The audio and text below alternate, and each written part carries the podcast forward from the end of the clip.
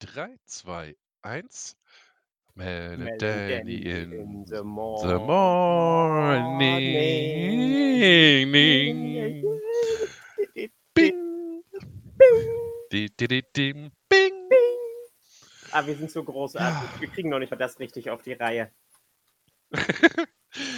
Durch die Verzögerung im Discord und weil wir es noch nie geprobt haben, Ja, ja, oben ist was für Feiglinge und großartig, wir kriegen Weicheier. das nicht auf die Reihe. Genau. Für Leute, die Kaffee im Sitzen trinken. Was? Ich trinke gerade Kaffee im Sitzen. Was ist das denn für eine Na, das passt ja dann. Aufstehen. Moment. Das ist ja unbequem. Das muss ich mich die ganze Zeit zum Mikrofon runterbeugen. Aber immerhin kann Oh ich jetzt nein, auch du aus voller. Überzeugung sagen, immer diese Leute, die Kaffee im Sitzen trinken. Habt ihr jetzt davon? Ich stehe jetzt hier. Oh, Doro steht. Nein, natürlich Doro hat ich gestanden. Hier immer noch. Ich bin zu faul. Das ist meine Lügengeschichte. Uh. Gibt's da Punkte für? Nein. Äh, Doro? Ja. Weil, äh, Stichwort Lügengeschichte, hatte Fokko bei dir aufgelöst? Nein. Das heißt, wir haben schon wieder so einen, eine, eine Hängepartie. Uh. Und ich Uh. glaube, äh, äh, äh. Na, Hatten sie Ah. nicht alle Ja gesagt? State? Cammy? Kermi hat auch noch nicht wirklich richtig aufgelöst. Hm. Das müssen wir mal einführen, dass sie dann direkt, wenn sie ihre, äh, wenn sie hier bei der Aufnahme sind, dass dann sofort Papiere bitte. Ja, Gehen Sie vielleicht mal einen Kofferraum aufmachen. genau. Körperraum aufmachen, hier Papiere. Hm, Ja, Ich habe sehr gefeiert, als ich gestern oder vorgestern auf Twitter, da wollte ich dich eigentlich auch noch drunter ver ver verlinken, eine Umfrage gesehen habe. Wie sprecht ihr das Wort Birne aus? Birne, Bohne, Birne oder ganz anders? Aber es haben auch einige für Birne gestimmt. Ich, ich werde dir jetzt nicht den Gefallen tun und, nee, nee, das musst du nicht. sagen. Um Gottes Willen, musst du nicht. Ich weiß, wie du Bir Wir, wir, Birne aussprichst. wir, wir haben uns ja quasi schon darauf geeinigt, dass das ein äh, wahrscheinlich ein ostwestfälischer Dialekt ist oder so. Genau, eine, eine Regiolekt ja, quasi. es ist auf jeden Fall kein Sprachfehler von mir. Nee, um Gottes Willen, das hat ja auch niemand behauptet. Außer ich vielleicht zweimal, Ja, fünfmal, ja, hundertmal. genau.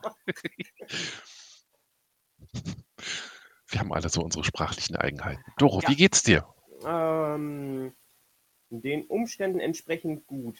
Ähm, ich, wie ich schon das eine Mal getweetet habe, ich fange langsam an, den Glauben an unsere Regierung zu verlieren. Also An die Maßnahmen derselbigen? Dem Mhm. Gastro-Lockdown und den trotzdem noch steigenden Zahlen. Und äh, ich kann einfach nur weiterhin sarkastisch sagen, ich möchte gerne äh, die Zahlen ohne den, also ohne den Gastro-Lockdown sehen.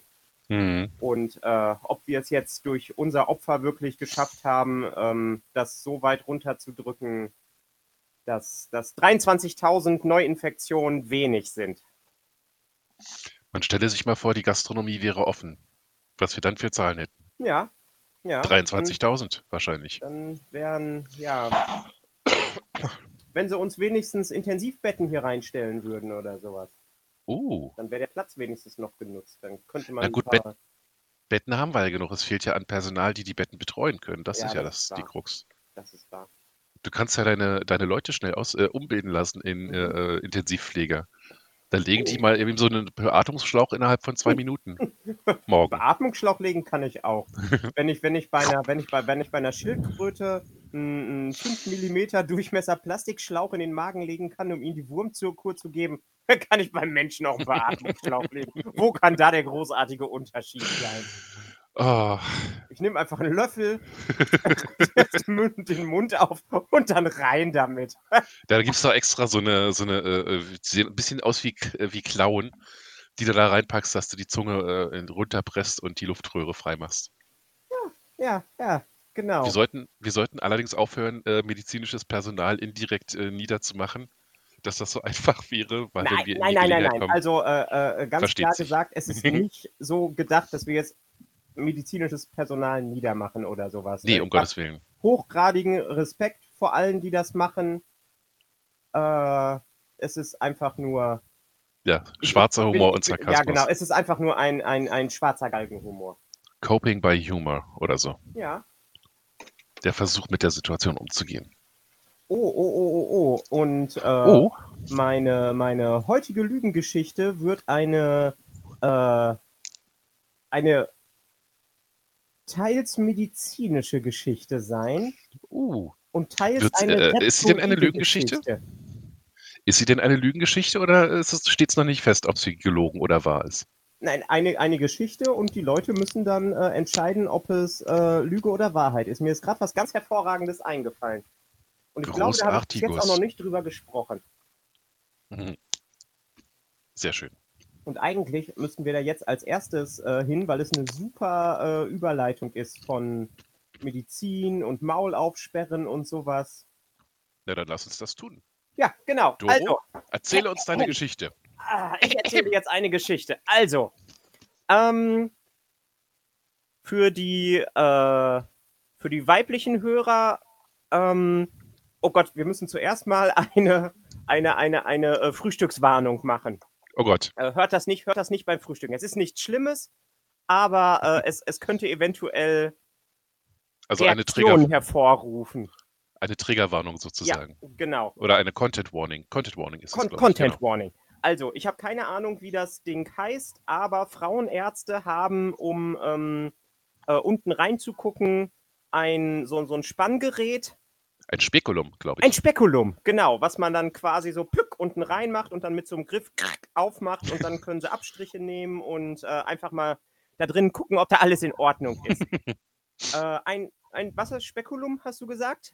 Ich glaube ja. Okay, ein Ich Spekulum. meine, ich hätte so mal was gehört. Aber ohne, Ange ohne Gewehr auf Richtigkeit. Wie wir schon gesagt haben, wir sind Ja. keine me- medizinischen Genau, wir Leute. sind keine Mediziner. Es ist alles äh, in, in a good fun way. So, Genau. und ähm, ich war auf einer, auf einer äh, Reptilienmesse und sehe an einem äh, Stand, der äh, für, also der, der hauptsächlich Schlangen und Schlangenzubehör hat, so ein Spekulum liegen.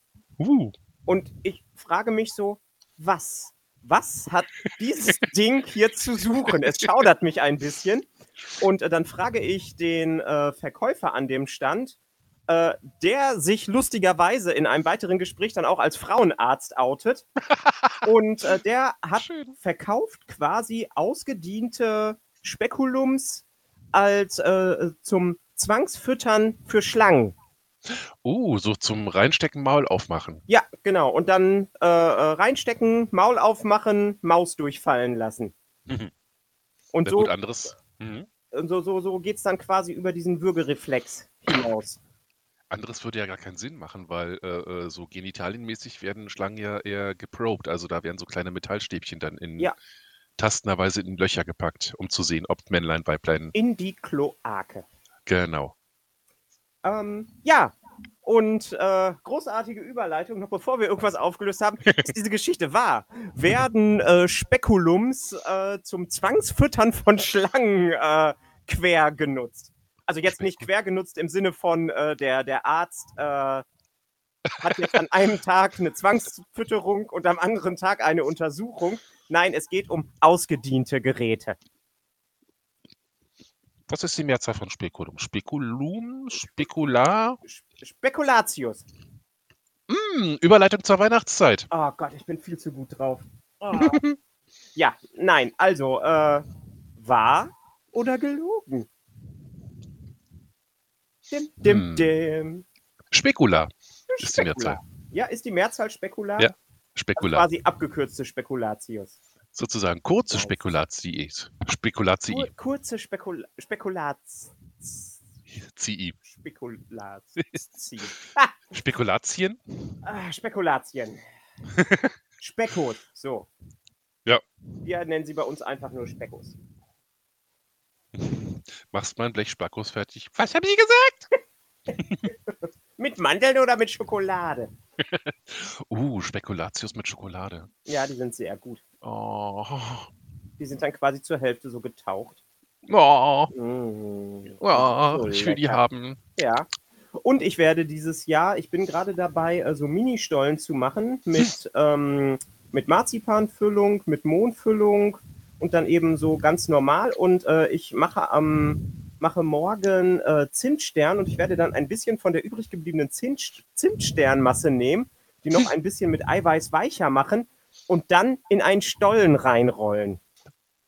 Oh, Doro, habe ich dir schon mal gesagt, dass du meine liebste verschickende Konditorin bist? ich, ich weiß, ich habe keine Ahnung, wie es äh, wird, aber äh, dieses Jahr sind wirklich unsere, in Anführungsstrichen, Quarantänestollen, also diese kleinen äh, 400 Gramm Dinger, äh, sind, sind der absolute äh, Renner. Und ähm, ja, ich will auf jeden Fall einen mit Geil. einer Zimtsternfüllung machen. Uh, auf jeden Fall erzählen, wie es war. Wann äh, kannst du da mit Ergebnissen äh, rechnen? Mm, Also jetzt nächste Woche ist äh, Weihnachtsgebäckwoche und in Mhm. der Woche darauf fange ich dann mit äh, Baumkuchen an und werde auch wieder ähm, werde auch wieder Ministollen machen. Also wahrscheinlich dann Mhm. in der Woche darauf. Uh, na dann freue ich mich ganz doll drauf. Notieren in zwei Ja. Wochen. Doro nerven. Bitte, bitte schick mir was. Bitte, bitte Ja, schick mir genau. was. Bitte, bitte schick mir was. Ich übernehme auch das Porto. Ja, äh, äh, äh, äh, vielleicht, wenn dann nächste Woche äh, äh, Dodo hier gewesen ist, dann haben wir die drei Tassen komplett. Ja. Vielleicht gibt es dann mit so einer Tasse auch einen Ministollen oder sowas dazu. Uh, das wäre natürlich Christiane gegenüber sehr toll, weil die ja schon so lange auf ihre Tasse warten Ja. muss. Ja, Andy wartet noch länger auf die Tasse. Stimmt, der natürlich auch. Ja. Ja, auf jeden Fall. Das wäre das wär eine tolle Idee. Cool. Ja, ne? Uh, dann lernen die gleich deine Backkunst kennen. Oh. dann kann M- Dann kann MD sein, sein Leckergift wieder auspacken.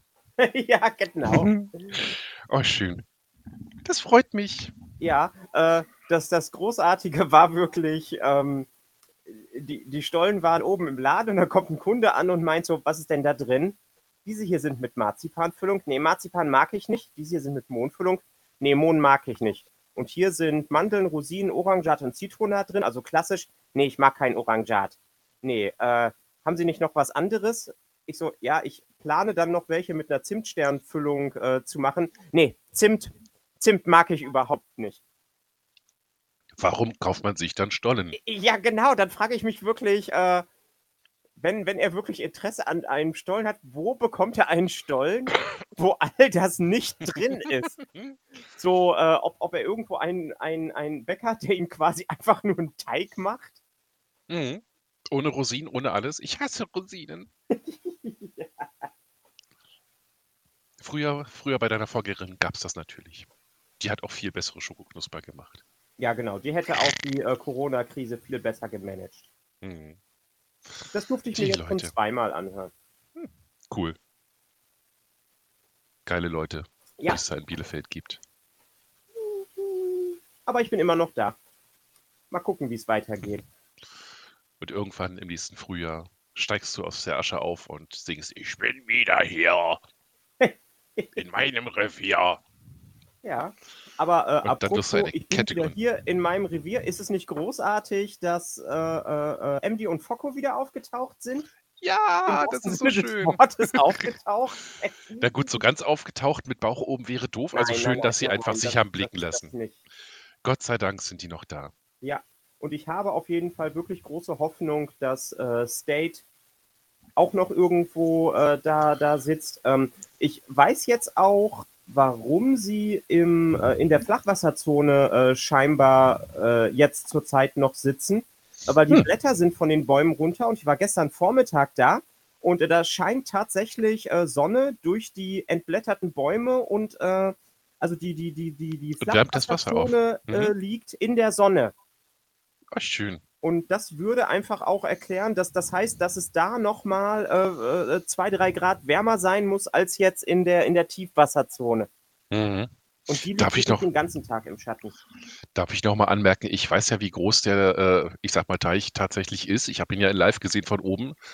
Und mit der Kamera sieht er so unglaublich gigantisch, majestätisch groß aus. Das ist so unglaublich. Ja, die Kamera ist wirklich cool. Also auch mit äh, Weitwinkelobjektiv oder so. Ja. Das, das kommt echt richtig gut. Das sieht super toll aus. Und natürlich innen drin so schön alles grün und Moos und Pflanzen und Zeugs. Ja, ist das Moos, was? Oder sind das Algen? Algen. Äh, das, das ist teilweise, also das, das, das werden äh, Algen sein. Also Cool. ähm, da werden aber noch auf die Stufen kommen noch Steine mit drauf und dann müssen ja auch noch die Körbe, richtig verteilt werden, aber das werde ich alles dann Anfang nächsten Jahres machen. Dann nehme ich einen Badeanzug mit hoch und äh, dann werde ich ein bisschen, weiß nicht, Yeah. Frühlingseisschwimmen machen oder so. Auf jeden Fall brauche ich dann noch eine Taucherbrille. ja, am besten gleich eine ganze Maske. Ja, genau. Weil ich glaube, das Wasser möchtest du nicht trinken. Die Fische gehen immerhin nicht an Land, wenn sie auf Klo gehen. Äh, ganz ehrlich, da sind so viele Pflanzen drin und da sind zwar Schwebstoffe oder sowas, aber ich glaube, dass das Wasser, also jetzt vielleicht nicht wirklich trinkbar ist, aber wenn ich davon jetzt was in den Mund bekommen würde, würde es mich definitiv nicht umbringen. Ach, verdammt. Was? Was? Wer hat das gesagt? Ich nicht. Du etwa? Ich auch nicht. Nein. What? Du etwa? Was? Ich? Nein, never.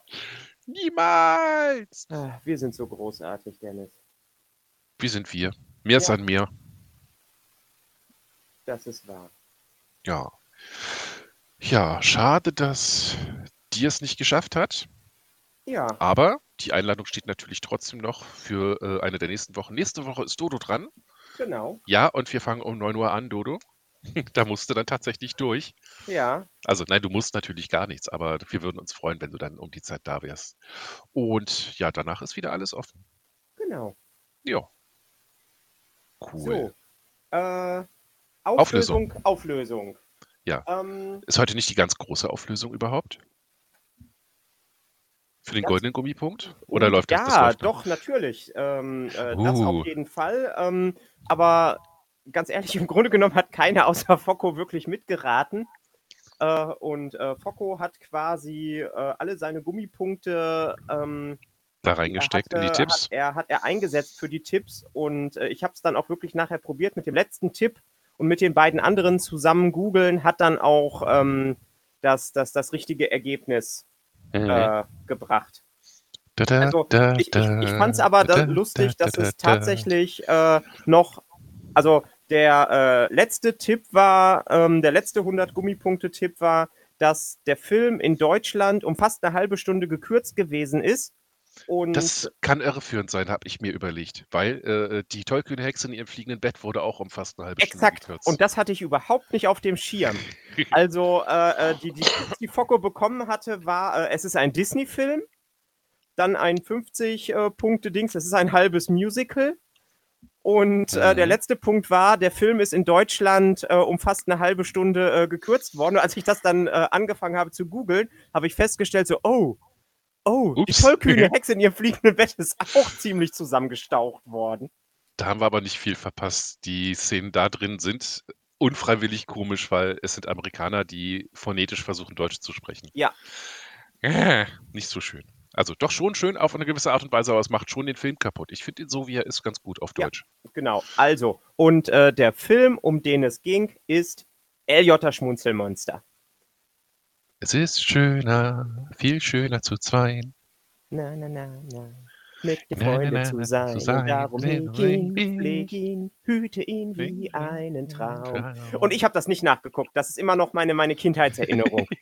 Ich habe mir die äh, letzte Woche Samstag habe ich mir die ganzen äh, Clips dazu nochmal angeguckt, Äh, weil ich habe tatsächlich auch bis letzte Woche gebraucht, bis es bei mir Klick gemacht hat. ähm, und das Letzte oder vorletzte? Ja, ist wirklich, äh, also, äh, also der Film ist jetzt zum Beispiel nicht so gut wie Mary Poppins, aber es ist einer der ersten Disney-Filme, den ich sehen durfte und äh, er hat mich Ja. wirklich nachhaltig beeinflusst. Also es war zum Ja. ersten Mal, dass ich sowas wie ein Musical gesehen habe und der Film hat bei mir wirklich äh, ja so die Liebe zum Musical Ja, definitiv geweckt. dann ist diese, äh, äh, dieses Rätsel für den goldenen Gummipunkt af- ereignislos verlaufen. Oder meinst du, Foucault hat sich einen äh, äh, Gnadengummipunkt verdient? Nein, er hat den goldenen Gummipunkt. Er hat's ja, er hat's ja rausgefunden. Ach, er hat's geschafft. Geil. Ja, Herzlichen. Glückwunsch, Foucault. Das hatte ich gar er nicht hat, mehr er, hat, er hat auf jeden Fall äh, LJ Bam, Schmunzelmonster dann. Und Foucault damit hat den goldenen bekommt Focko Gummipunkt. offiziell den äh, goldenen Gummipunkt. Verwahre ihn Geil. gut. Und immer daran Und- denken, ich will ihn zurück. Setze ihn weise ein, Foucault. Ja. Denk dran. Aus großer Macht erwächst große Verantwortung. Und, und aus dem goldenen Gummipunkt erwächst. I- I- I- I don't Shenanigans. know. Shenanigans, genau. Ja. Ne, great Äh. Shenanigans. Dann, Der Kater äh, ist mir gerade vors Mikro gesprungen. Der Kater ist mir gerade vors Mikrofon gesprungen. Oh. Vielleicht hört man ihn ja im Hintergrund schnurren. Ähm, zur weiteren Auflösung, der Peter Lustig Bauwagen ist wahr gewesen. Ich Ja. habe diese verdammte Stuhltreppe angefasst. äh, wir haben einen, äh, eine Berliner Kodderschnauze äh, so lange bekakelt, bis wir auf das Gelände und in die Halle durften, wo er unter Plan stand. Äh, ja, im Grunde genommen hat. Du warst doch auch mit dabei, oder? Nee, an dem Tag war ich faul und bin zu Hause geblieben. Da bist du mit Ingo alleine unterwegs gewesen. Oh, Aber ja. das tut ja der Wahrheit der Geschichte keinen Abbruch. Genau. Ich habe die Bilder gesehen und habe selber gestaunt, wie klein der eigentlich ist. Ja, wie ein Bauwagen eben. Also, Ja, der sieht aber im Fernsehen immer so groß aus. genau. Geschickte So. Kameraangles. Ja, und damit ist äh, Focko bei 60 Punkten.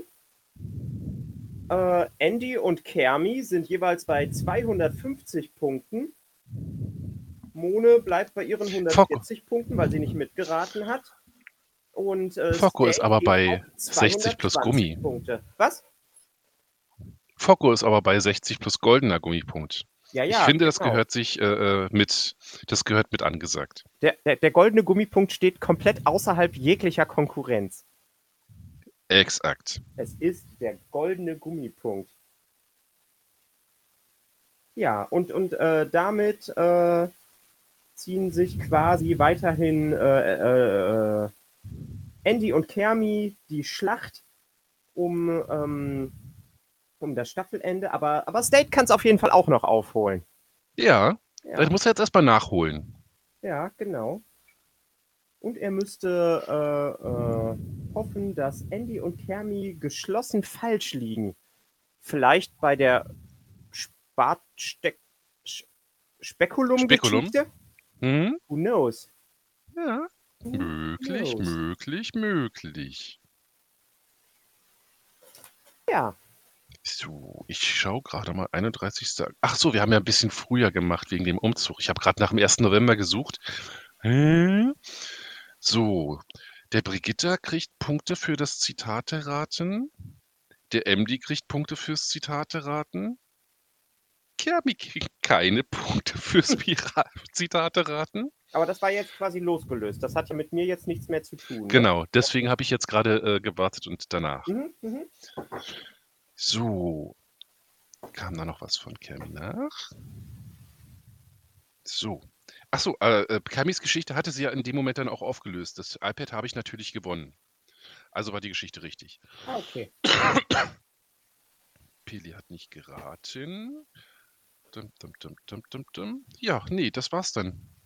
Also, State und äh, MD haben Punkte für Frau Pelzer gekriegt. Ach, ja, stimmt. Frau Pelzer, genau. Das zweite Zitat wäre tatsächlich verwirrend geworden, deswegen habe ich es dann rausgenommen. So, Kunstpause. Was für Bewusst. Pause? Eine Kunstpause, eine bewusste Kunstpause, eine awkward pause. Eine Awkward Pause? Mhm. Ich habe heute aber gar keine Lust, awkward zu sein. Okay, dann machen wir einfach eine, reden wir einfach so weiter ins Leere. Ich meine, ist ja genau das, was wir immer machen. Wir reden ins Leere Ja, und haben Spaß genau. dabei. Das, das ist wahr. Philosophisch betrachtet sind wir Pfeifer im dunklen Wald, äh, Rufer im dunklen Wald. Wie sagt man denn? Oh. Doch, im dunklen Wald pfeifen. Oder wir sind Bäume, die in einem Wald umfallen. Uh, und keiner hört uns. Und keiner hört uns. Doch, ein paar Leute hören uns. Das heißt, wir machen Geräusche. Das ist schön. Wir hinterlassen Spuren. Oh ja, das auf Nice. jeden Fall. Nice. Schön. Ja, das theoretisch am Tag 1 nach, äh, äh, nach Ära Trump, die so fast vorüber ist, hoffentlich. Müssen wir natürlich noch bis Januar warten, aber schön wäre es natürlich trotzdem, wenn das Ja, jetzt ja. Problemlos Also, äh, laufen sollte, So- was es sollte nicht wird. Sollte es so bleiben, ähm, wie es jetzt ist, freue ich mich da sehr drüber, aber äh, mein Jubel und meine Freude kommt erst am 20. oder 21. Januar, wenn, wenn Trump äh, wirklich aus dem, aus dem Weißen Haus draußen ist. Also Mhm. äh, er ist bis jetzt mit zu viel Scheiße durchgekommen, äh, als, als dass er nicht noch irgendwo einen, Trumpf aus dem Ärmel ziehen könnte. Oh, böses Wortspiel. Ah, Naja, aber ganz ehrlich, in dem Moment am 20. November, wo der, äh, wo Biden antritt, ist Trump nicht mehr Präsident und nicht mehr äh, äh, immun. Das heißt, äh, schlimmstenfalls müssen sie ihn einen Handschellen, Handschellen rausholen. Ja, ich finde aber auch den Gedanken lustig, dass er einfach nicht geht Mhm. und dann da bleibt. Und dann werden, werden er und Biden irgendwie eine, eine, äh, eine alte Männer-WG. Dass er sich einfach im Keller versteckt. Und dann immer so genau. alle paar Monate mal hochkommt bei irgendeiner Pressekonferenz. Ich bin immer noch Präsident! Und Oder dann wieder im- verschwindet. Im, im Bademantel da durchschlurft. Und das ist eine schöne Idee. Ah. Ach, jetzt fange Genau, immer wenn so- drüber zu lachen. So, so, so Führung durchs Weiße Haus und dann siehst du ihn da so im Hintergrund im, im Bademantel. Ach, nicht beachten, es ist nur unser Resident Ghost. ja, genau. Ah. Ja, wer weiß. Wer weiß. 33 Leute haben uns letztes Mal gehört. 33? Ja, das sind so viel wie Okay, seit September okay. nicht mehr. Ah, Mhm. Krass. Ja, die Leute sind, sitzen jetzt alle wieder zu Hause in ihrer Fast-Quarantäne. Mhm. Uh, und das wollte ich ja die ganze Zeit schon erzählen. Kermi, du, äh, du warst ja bei uns, also das, als du das erste Mal bei uns warst, am 2. August. Und für alle Twitterer auf dieser Welt, sie hat äh, äh, 69 Zuhörer gehabt. Kniehihihi. Okay, okay. Jo, Ja. Hm, was machen wir jetzt noch? weiß ich nicht, keine Ahnung. Jetzt sind wir doch irgendwie in einer äh, Ja. Pause an, angekommen. Aber in einer äh, äh, unfreiwilligen. Was machst du heute noch Schönes? Äh, ich werde gleich in den Garten hochfahren und mein äh, Wildblumen- und Kräuterbeet weiter äh, entjäten, äh, Mhm. weil das wird nächstes Jahr mein Kartoffelacker. Oh, geil. Ja, Kartoffeln sind cool. Brauchen nicht so viel und man kann sich gut von ihnen ernähren. Genau, und mein Kartoffelacker wird dann zum dicke Bohnenacker. Oh, ah, du machst Rotation. So quasi so, äh, wie, wie nannte sich das? Landfolge? Ja, Fruchtfolge. ja, genau, Fruchtfolge, genau. Cool. Du bist also eine gebildete Bäuerin sozusagen. Ich In dieser, in dieser Hinsicht. Geil. es zumindest. Äh, außerdem will ich äh, äh, schauen, ähm, ob ich vielleicht doch noch irgendwie äh, State heute zu Gesicht bekomme. Will der eventuell vorbeikommen? Nein, den Fish State. Ach so, Entschuldigung, ja, ich dachte jetzt gerade an den richtigen State, also an den, an den Menschen-State, um es mal so zu sagen. nein, Sind nein. ja beide richtige States. Genau. Nee, Angeblich. Nee, nee, der, angeblich. Genau. Fake News! Ja. Was, was habe ich? Ich, ich? State könnte eine KI sein. Äh, oder, oder 100 Affen mit einer Schreibmaschine. ah, Was ah, ja im Prinzip so philosophisch betrachtet das Gleiche ist. Eine KI ist ja auch nichts anderes als 108 mit einer Schreibmaschine, die dann Ja. hinterher auswählt, was am besten klingt. genau. Ah, ja. Ich liebe immer noch unser Podcast-Bild, das was State uns geschenkt hat. Die Reise zur Schmerzgrenze. Wo hat State uns denn ein Bild, ein Podcast-Bild geschenkt? Hast du vielleicht noch gar nicht mitgekriegt, wenn du auf podcasts.com gehst, da wo ich äh, die Podcasts mal hochlade, Ja. dann siehst du das Bild. Das ist wirklich so äh, Leute in einem Bus, die Richtung Horizont fahren und vom Horizont her sch äh, schreit es die ganze Zeit. Oh, Reise zur Schmerzgrenze. Sehr Oh. schön in, in, in, in die äh, Bild ins Bild Ja. gesetzt. muss ich gleich mal gucken.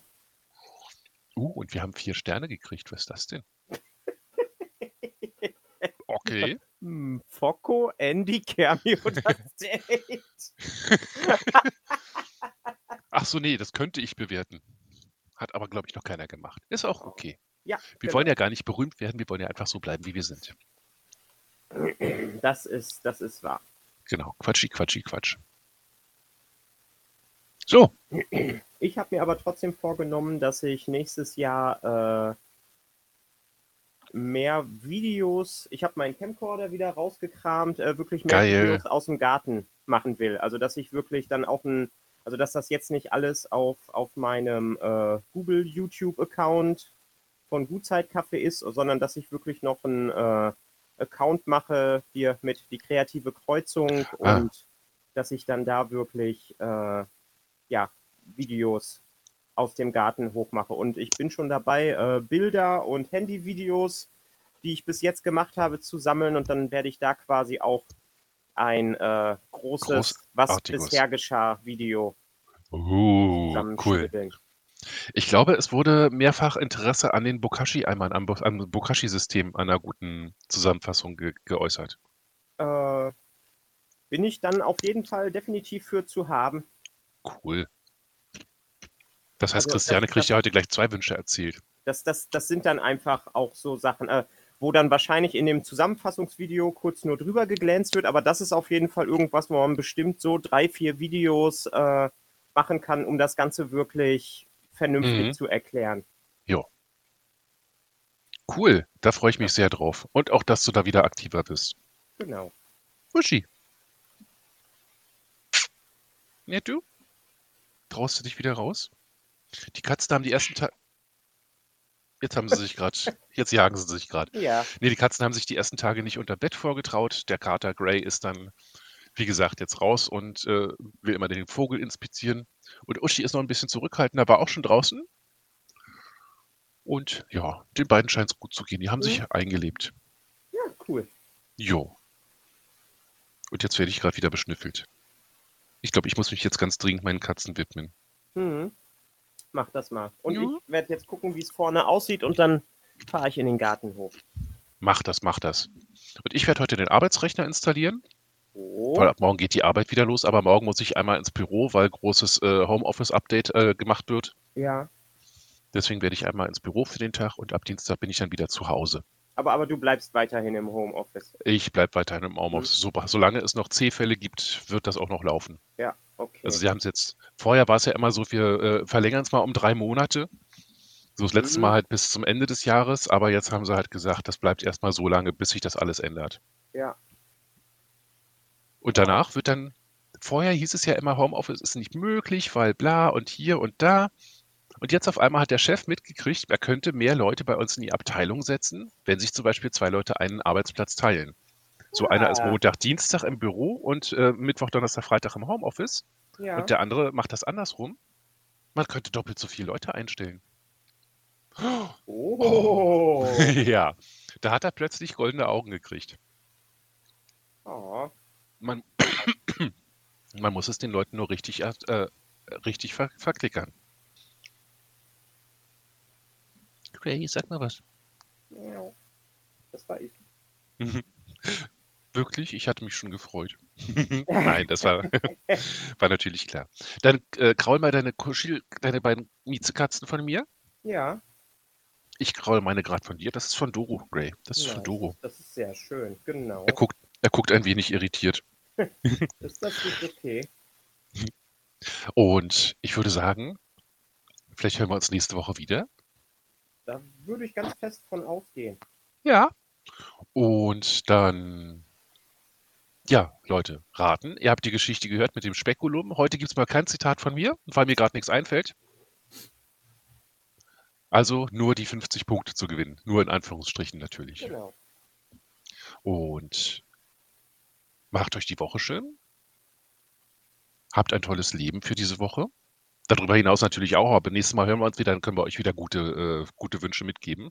Genau. Wir wünschen euch ein, ein, ein gutes Leben erstmal für eine Woche. Wenn Genau. ihr danach nichts von uns hört, Mist Sterbt. über euch. Sterbt. Pest und Cholera. Und Uh, reicht denn das eine C nicht? nein, nein, nein, nein, nein. Ich, ich wollte es gerade, aber ich konnte mich noch zurückhalten. Pest und Corona. Nein, also machen wir einfach so, damit es dann äh, redetechnisch Ja. besser ist. Wir wünschen euch, bis wir uns zum nächsten Mal in einem Podcast hören, alles Gute und ein schönes Leben. Genau. So? Wir so ist gut. enden auf dieser positiven Note. La. Wir beenden das, das, das, wir beenden die, die, die Sitzung in gehobener Stimmung. La. Na denn, 3, Okay. 2, 1. Hm. 3, 2, 1. Mel and Well, Danny, in the in the morning.